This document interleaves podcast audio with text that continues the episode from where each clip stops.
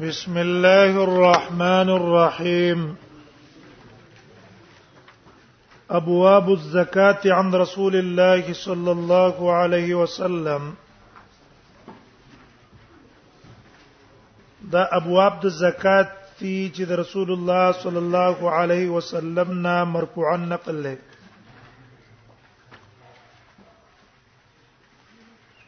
د کتاب الطهارت په ابتدا کې مونږ وویل چې امام ترمذی رحم الله طریقه دا ده چې دا د کتاب په سر کې د عام مصنفینو طریقه لفظ د کتابونی لیکن دیر علیږي دا غي په ځای لفظ د ابواب راوړي او قید سلګي ان رسول الله ذیان رسول الله کی اشاره دی خبره ته چې په دې کې کم احکام بیانېږي دا ټول مرفوع دي رسول الله صلی الله علیه وسلم ته هغه ته موقوف دي زکات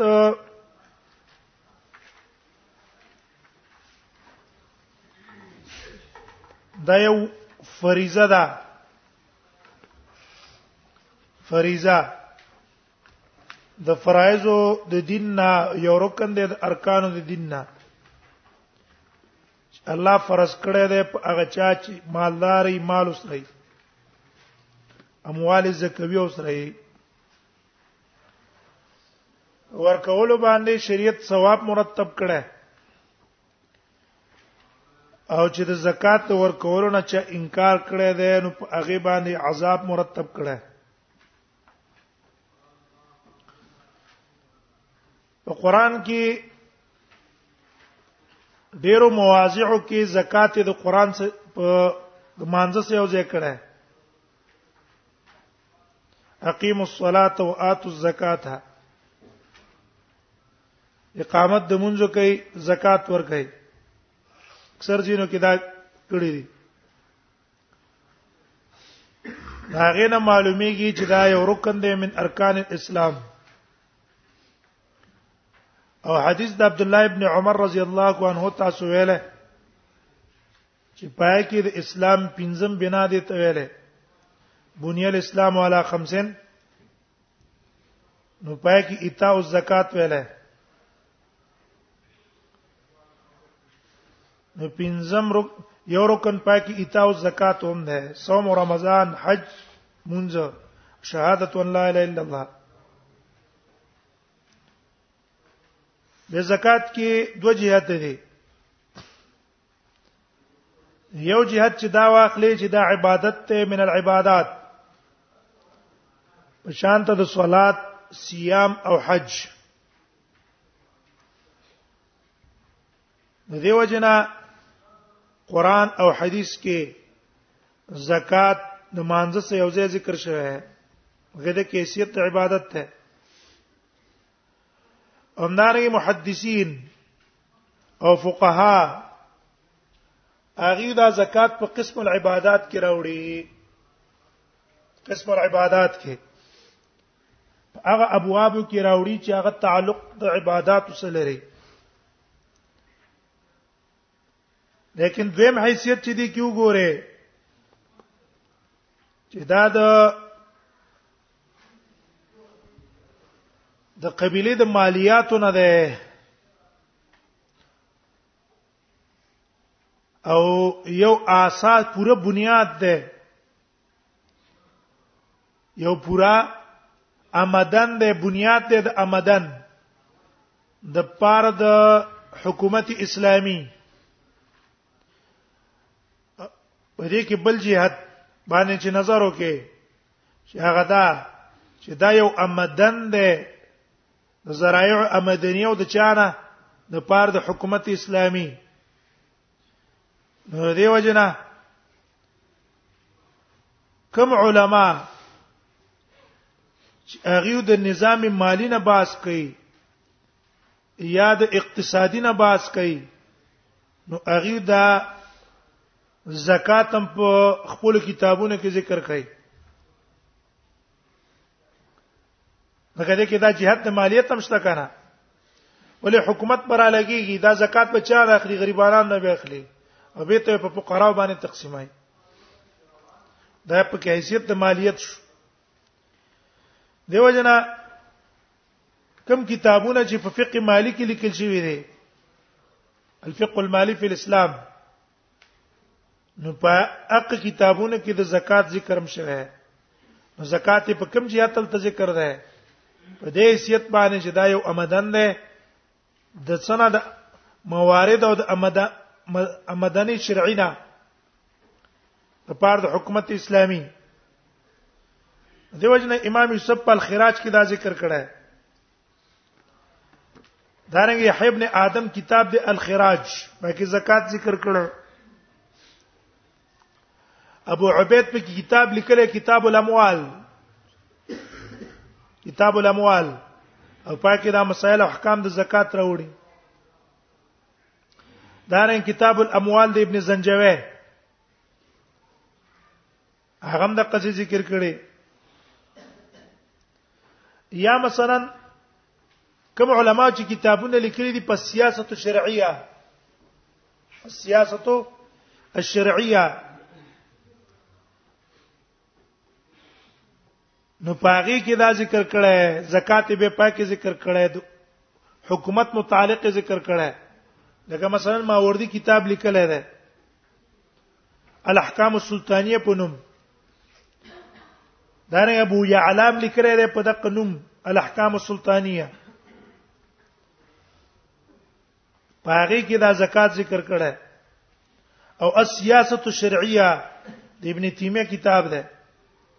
نو پاغي کې دا زکات ذکر کړه حاصل دا شو چې زکات کې دوه جهت دي جهت د مالیت هم نه جهت د عبادت هم نه نو کوم علما چې جهت د عبادت ته کتل لکه قران او حدیث په کوم اعتبار ډېر جهت ور کړه جهت د عبادت دیو جن د چا سیو ذکر کړه د مانځ سره او کوم علما چې په دې دوه میسیت نظر اچولې چې دا خو مالم ده جهاد د مالیت ته ولکتلی چې دا خو ذریعہ د آمدن ده ذریعہ د آمدن ده او به د دې انفاق ده نو په دې جهاد چې چاو ته نظر کړی ده نو هغه په دې دویم نو انواعو کې ذکر کړی دا خو اهمیت شو د زکات او زکات په لغت کې څه ته وایي او په اصطلاح د شریعت کې څه ته وایي زکات لپاره په لغت کې ډېری معنی دي مشهورې دوه معناګانې دي یو د نما او دویم په معنا د طهارت ته یو په معنا د نما او دویم په معنا د طهارت د نما د پاره د آیات استعمال شوه دا قول د عرب زکز زرع زکز زرع زکز زرع عرب کم ټیم کې وایي چې کله فصل کې څه راشي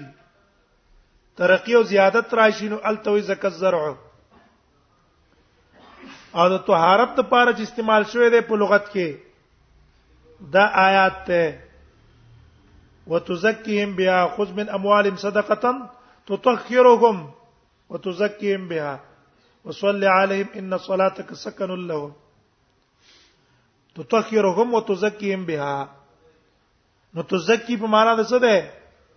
ته تطهیر ده کنه پاکولو هم به د زکات کې دا دواړه معنی چې راغلي دي لغوي نو په کې موجود دي هغه دا وې زکات چې کوم ده کرا دا سبب ته د پاره د نما په مال کې تا زکات د مال نه ورکاو دې زکات ته وجنه مستعمال الله زیته دلیل په حدیث ته چې رسول الله صلی الله علیه وسلم فرمایي ما نقص مالو امرئ من صدقه نو دا سبب ته د پاره د زیادت او د ډیروالي د ترقې د مال نو زکات او زکات وای او دویمه معنی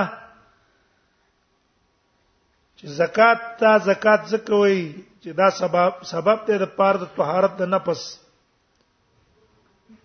عن صفه البخل زړه چې زکات ورکړي دا دلیل دی په دې خبره چې دا بخیل نه ده دارنګ زکات متطهر دی من الذنوب متطهر دی من الذنوب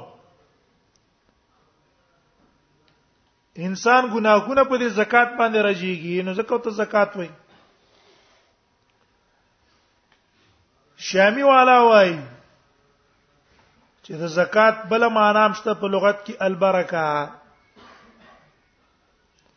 معنا د برکت سم راځي لغوي عرب زکات البقعه زکات البقعه دا کلوې اذا بورک فيها کله چې پاکي برکت واچول شي نو همدارنګ زکات په معنا د مدح هم راځي مدح ځان صفت کول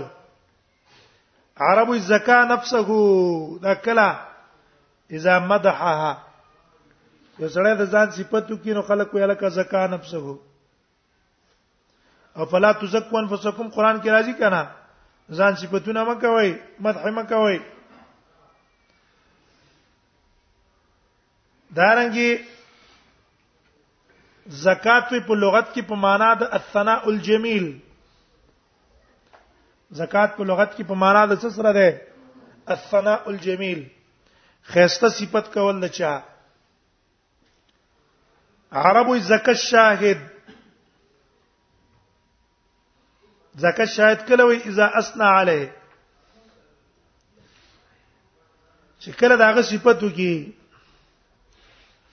او دا درې واړه معنی په زکات کې موجود دي ولی د زکات د وجنه په مال کې برکت راځي یو د زکات د وجنه د انسان سره راځي مدح صفت کیږي مدح او صفت د زکات ته وجه خلکو کیږي ک پلان کې سره خسړه ده همدارنګه زکات باندې انسان څخه کی سپایم راځي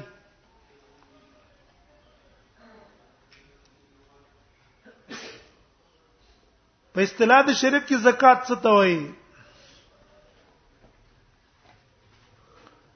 نو په اصطلاح د شریعت کې تعریف ته علما مختلف تعریفونه کړی دي حاصل ادا ده چې حق واجب فی مال خاص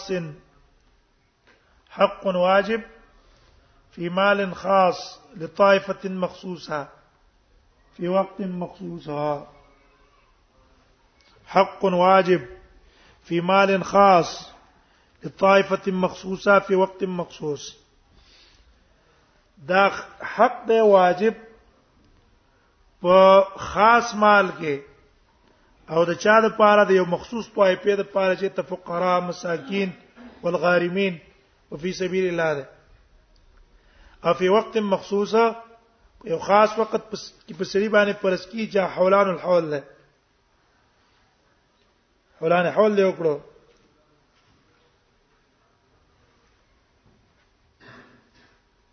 هبه علما وايي د زکات د فرضیت لپاره پنځه شروط دي شرط وجوبها خمسه علما وايي زکات چې په انسان پرځ کیږي اله پرځ کیږي چې دا پنځه شرطونه په انسان کې موجود دي په هغه باندې به زکات پرځي او چې په دې پنځو شرطونو کې یو څه یو شرط پکې نو زکات په دمانه فرض نه ده اولنې شرط الاسلام سره به مسلمانی فلا يجب على كافر ولو مرتدا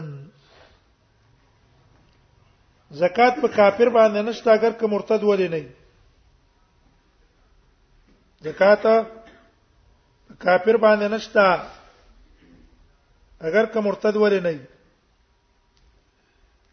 وجداد لانها من فروع الاسلام زکات د اسلام د فروع نه ده دلیل په روایت عبد الله ابن عباس ته چې نبی صلی الله علیه وسلم کله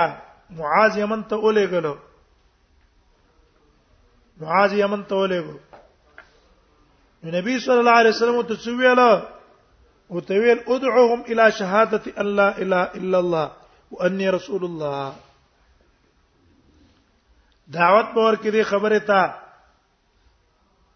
اول دعوت بور کې شهادت ان لا اله الا الله تا نو فإنهم اطاعوا لذلك بیا بول خبر ورکړي چې ان الله افترض علیهم خمس صلوات فی کل یوم و لیلہ نو کدا خبرم د سو منلا بیا ول رفع عالمهم ان الله افترض عليهم صدقه في اموالهم ور الله په تاسو باندې زکات پرس کړې تاسو په مالونو او دا به څه کیږي توخذ من اغنیاکم وترد فی فقرائهم استاد مالدارو نه به اخلو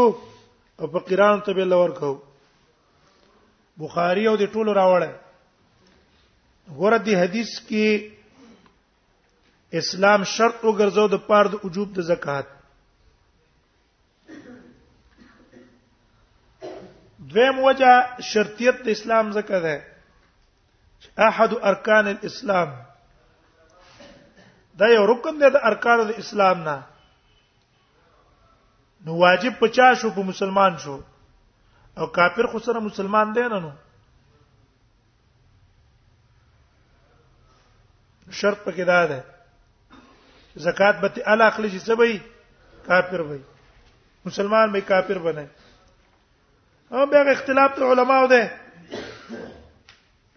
چیرې کافران د ایمان نه په غیر په نور احکام مکلف دي کې نه وي هغه حدیث د معاصر تعلق لري تفصیلی باس ته پاکه راجح قول دا ده چې کافران مامور دي بالطاعات هم نتیجه په آخرت کې راوځي یو کافر د زکات ور کړه او بل کافر د زکات نه دی ور کړه نو د دې زکات والا عذاب به کمی لکه دی فریضه خو ادا کړی دا کنه په نسبت دا غبل دویم شرط هغه دا ده الحريه زکات پاګه چا فرض دی چې دا به حوري حره فلا تجب على عبد په غلام باندې زکات فرض نه ده وجه دا ده لان ما في يده لسيده د سره چې کوم شی په لاس کې دی دا د سید دی او سید په لاس کې چې کوم زکات یې هغه تاسو هم زکات ورکړئ نو زکه ما فی یدی عبد دی هغه مالک ته د مافیلیت د عبد دریم شرط په کې دای ملک نصاب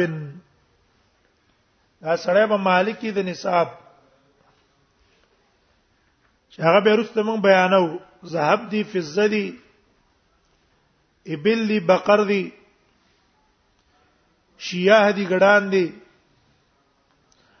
او زروع دی چې په زروع کې به بیانو چې رک هر فصل کې دیو کنه په خاص انواعو کې زکات ده مالک به د نصاب څلورم شرط پکې دا دی الملک التام دې سړي باندې به ال زکات لازمی چې دا غشي دې مالکی په ملک تام مسرا په حال د په ملکیت کې غشي کمل کې تامه او سره په وخت د حولان حول کې نو د زکات نشته لکه مثلا یو تن را ولګېدو او هغه خپل غلام ته ویل چې ته مال لس لک روپۍ را کته بازار دی ترڅو پورې چې دا لس لک د تاواله کړی نه په دې مالک باندې په دې لس لک روپو کې څه نشته زکات نشته زکات څه نشته کتاب نشته کنه سبوی پی سلورم شرط شلو ملک تام پنځم شرط تا ده تمام الحول حولان حول پکې شرط ده ها دینه مستثنا ده الا فی الخارج من الارض د زمکه نه چې کم فصل دی او شو پای کې حولان حول نه ا چې څنګه د زمکه نه فصل شو په اساس په زکات تی ورکه او مما اخرجنا لكم من الارض زمکه نه او شو تا اورېبو حاصل لکو په تا زکات لازم نه پکې حولان حول نشته او د زرع نه په غیر چې کم اموال زکویه دي مثلا حیوانات دي یا ذهب او فضه دي یا عروض د تجارت دي نو په دې کې به ال زکات پتا لازمی چې کال په تیر شي کال به تیریږي دلیل په حدیث د عبد الله ابن عمر ده چې نبی صلی الله علیه وسلم فرمایي لا زکات فی مال حتا يحول عليه الحول لا زکات فی مال حتا يحول عليه الحول امام ترمذی به په خپل راوړي او زکات په مال کې نشته ترڅو پورې چې کال په تیر شوی نه ها به زکات فرض ده فرض فرضیت دې ثابت ته بالکتاب والسنه والاجماع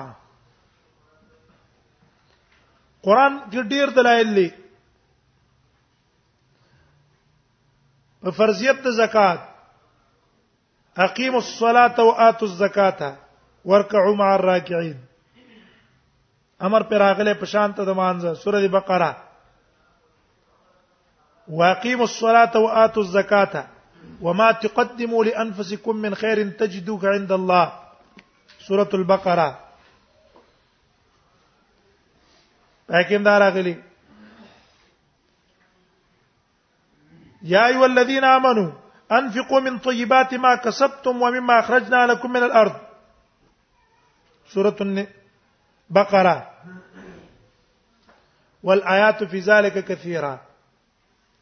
دا ټول دلالت کوي په فرضیت د زکات او احادیث خو به ګډیر شي دي یو حدیث ته د عبد الله ابن عمر چې مخکې تمن اشاره وکړه رسول الله صلی الله علیه وسلم فرمایي بني الاسلام على خمس شهادت ان لا اله الا الله اسلام په پنځو شینو جوړ دی یو شهادت ان لا اله الا الله وان محمدن عبده ورسوله دویم اقام الصلاه دریم د ایتاء الزکاه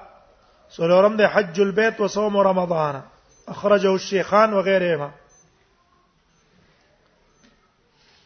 دویم دلیل په حدیث د معاذ ده چې مخکې موږ بیان کو چې کله رسول الله صلی الله علیه وسلم معاذ یمن ته لېګلو نو نبی صلی الله علیه وسلم ته څه ویلو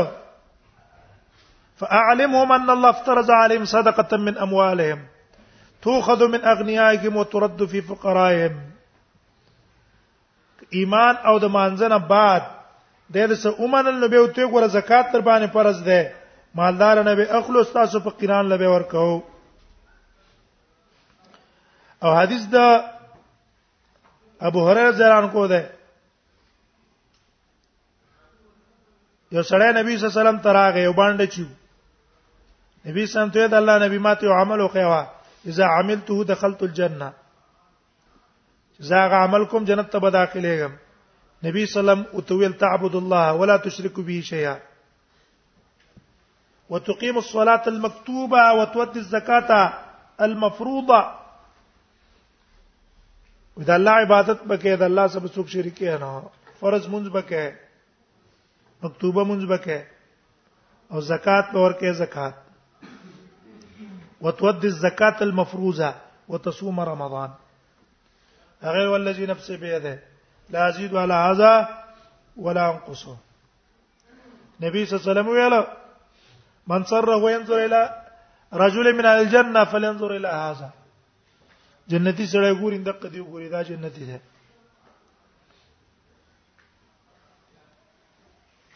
والاحاديث في ذلك كثيره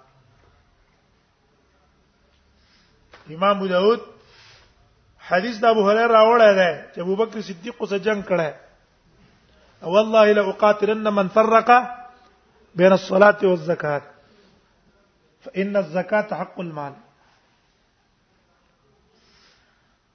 ها اوس د دې فرضیت صدا مسله متعلقه ده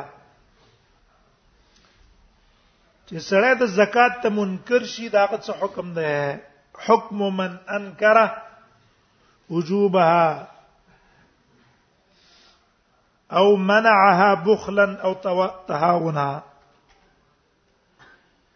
یا منکر د وجوب نه نه ده او بخیل ده د بخل د وجنه زکات نه ور کوي یا د سستۍ او ناراستۍ د وجنه نه ور کوي دا حکم څه ده نو اوله خبره د انکار را واخلا یو سړی د زکات د وجوب نه انکار وکي نو دا منکر به خالی نه وي یا خو به د جاهلی پته وته نه لګيږي جاهل به پته وته نه لګيږي ولی لحداثه عهده بالاسلام تازه تازه په اسلام کې ران نه وتلې ده نو دته د زکاتونو د احکام پته نشته زکات منکر ده تازه را نه وتله ورپوی نه ده او یا اسلام کې زول را نه وتله خو لیکن د دسی ځکه غټ شوی دی چې هغه د عام د مسلمانانو د علاقې نه لري د طرف کې غټ شوی دی ببادیه نائیه عن القرى والامصار د خاری او د کرن لري غټ شوی څوک نشته دی چې هغه ته د احکام پوره بیان کړی وي نو دا سړی چې کم دی د ته کافر نه ویل کیږي ځکه دا معذور دی دا کافر نه دی دا معذور دی معذور چې تا ول خبر ورکو د وجوب او د عمر له ټیک ده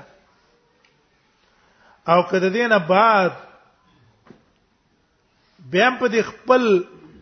خبر باندې ټیک دی چې زه نه مانم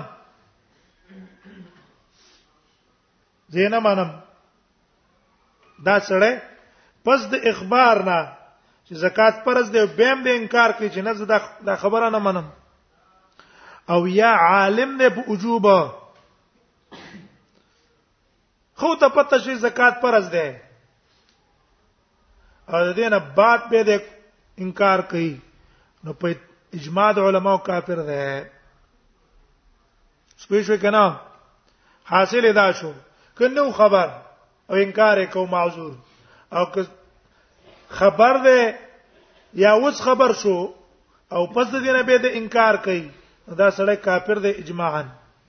اجماع د علماء ولی زګه کافر دی لانه مکذب لله ورسوله واجماع الامه دا مکذب دی د الله او د رسول او د اجماع د امت او دا پاغه صورت کې چې د انکار د څنو کی انکار د وجوب نو کی مطلقاً چې سره دا فرض نه ده یک شو ها وس دا خو کافر شو لیکن د دنه به زکات څخلو کنه باخلو شو خو کافر حکم د مرتد شو کنه په دې انکار حکومت به په زور زکات تخلی کنه باغله ټیک شو نو کته دې مرتدوالي نه مخکې په کم زکات پرځو یا د دې انکار نه مخکې په زکات پر شوی حولان حول په مخکې شوی بیا به حکومت څه کوي زکات به تخلي ٹھیک شو او کنا حولان حول په لانو شوی نو به په دې معنی او پس دې انت منکر شو نو حکم دې کافر دې د کافر نه مخکې مونږ ویل چې زکات نشته په پوه شو کې پوه نه شوي یو سړی دی خمالدار دی او زکات په پرشوي دی حکومت ته وی زکات ورکا د منکر چې سره زکات ز پرزیت نه منم نو اس مرتد شو کنه شو په دې انکار څه شو چې معذور نه مرتد شو نو حکومت به د پزور غ زکات واخلي او باقی احکام د مرتدین به پېڅ کی جاری به کی او کنا کله چې دوی ته مطالبه کوله په دا وخت کې په لا حول نه حول نو شوه او انکار یې وکړو نو دین رستو په دمانه زکات نشتا ولې دا کافر دی دا کافر نه زکات غستل نه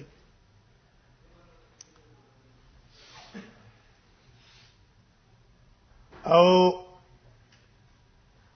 د دې انکار نه بعد به د دسر حکم څه دی هغه دا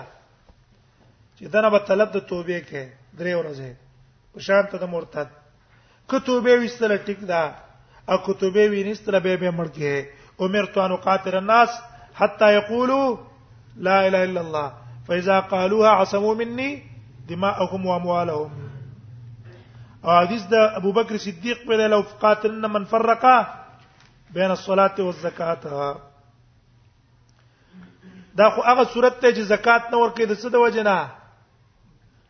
انکار د وجه نه او که چرته زکات انکار د وجه نه ورکاو بلکې بخله نه ورکاو نه ورکاو تهاون نه ورکاو سستۍ د وجه نه بس منه مې خو در بکم فلان بکم نن بدر کم سبا بدر کم بل ورځ بدر کم باج کسان زکات کې د قصې تهاون کوي او یا د بخل د وجه نه مال سره مینه د منکر ته نه ده خو د بخل د وجه نه ور کوي نو بیا حکومت په تی په زور اخلي لکه چې سړی خپل قرض د چانه په زور اخلي کنه اخلي حق الادمی د چانه په زور اخلي کنه به اخلي دغه حکومت په دې د زکات هم په زور اخلي او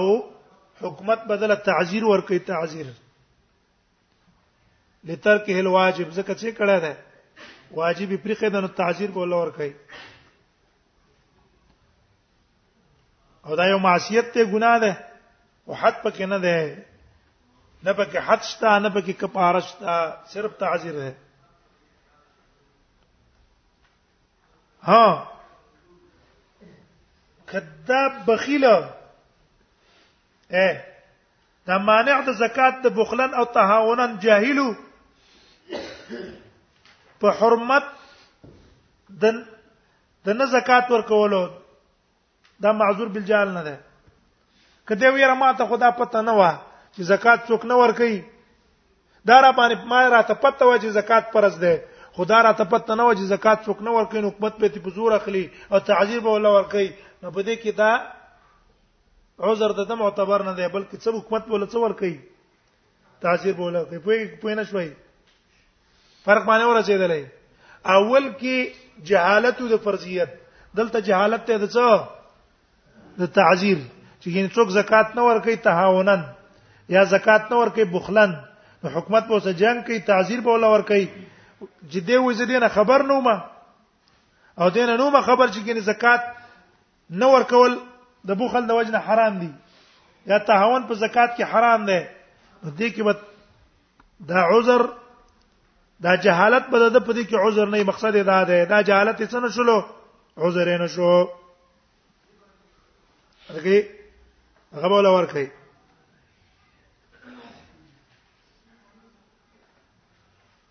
دا خو هغه صورتو چې کله زکات یې منع کړه او که یو سړی را ولګېدلو بالکل انکار کو د زکات ور کولونه چې زه زکات نه ورکوم مستقله علاقه والو مستقل علاقه والو او منکر شو د زکات تور کولونه نو بیا د دې حکم د محاربینو ده حاکم حکومت دغه څه کولای شي جنگ کولای شي لکه ابوبکر صدیق جنگ کړو کنه وکړه لو قاتلنا من فرق بین الصلاه والزکات دا ولا مسله وا دویمه مسله هغه دا ده چې زکات کله فرض شوه ده ایدا په مکه کې فرض شوه ده او که په مدینه کې فرض شوه ده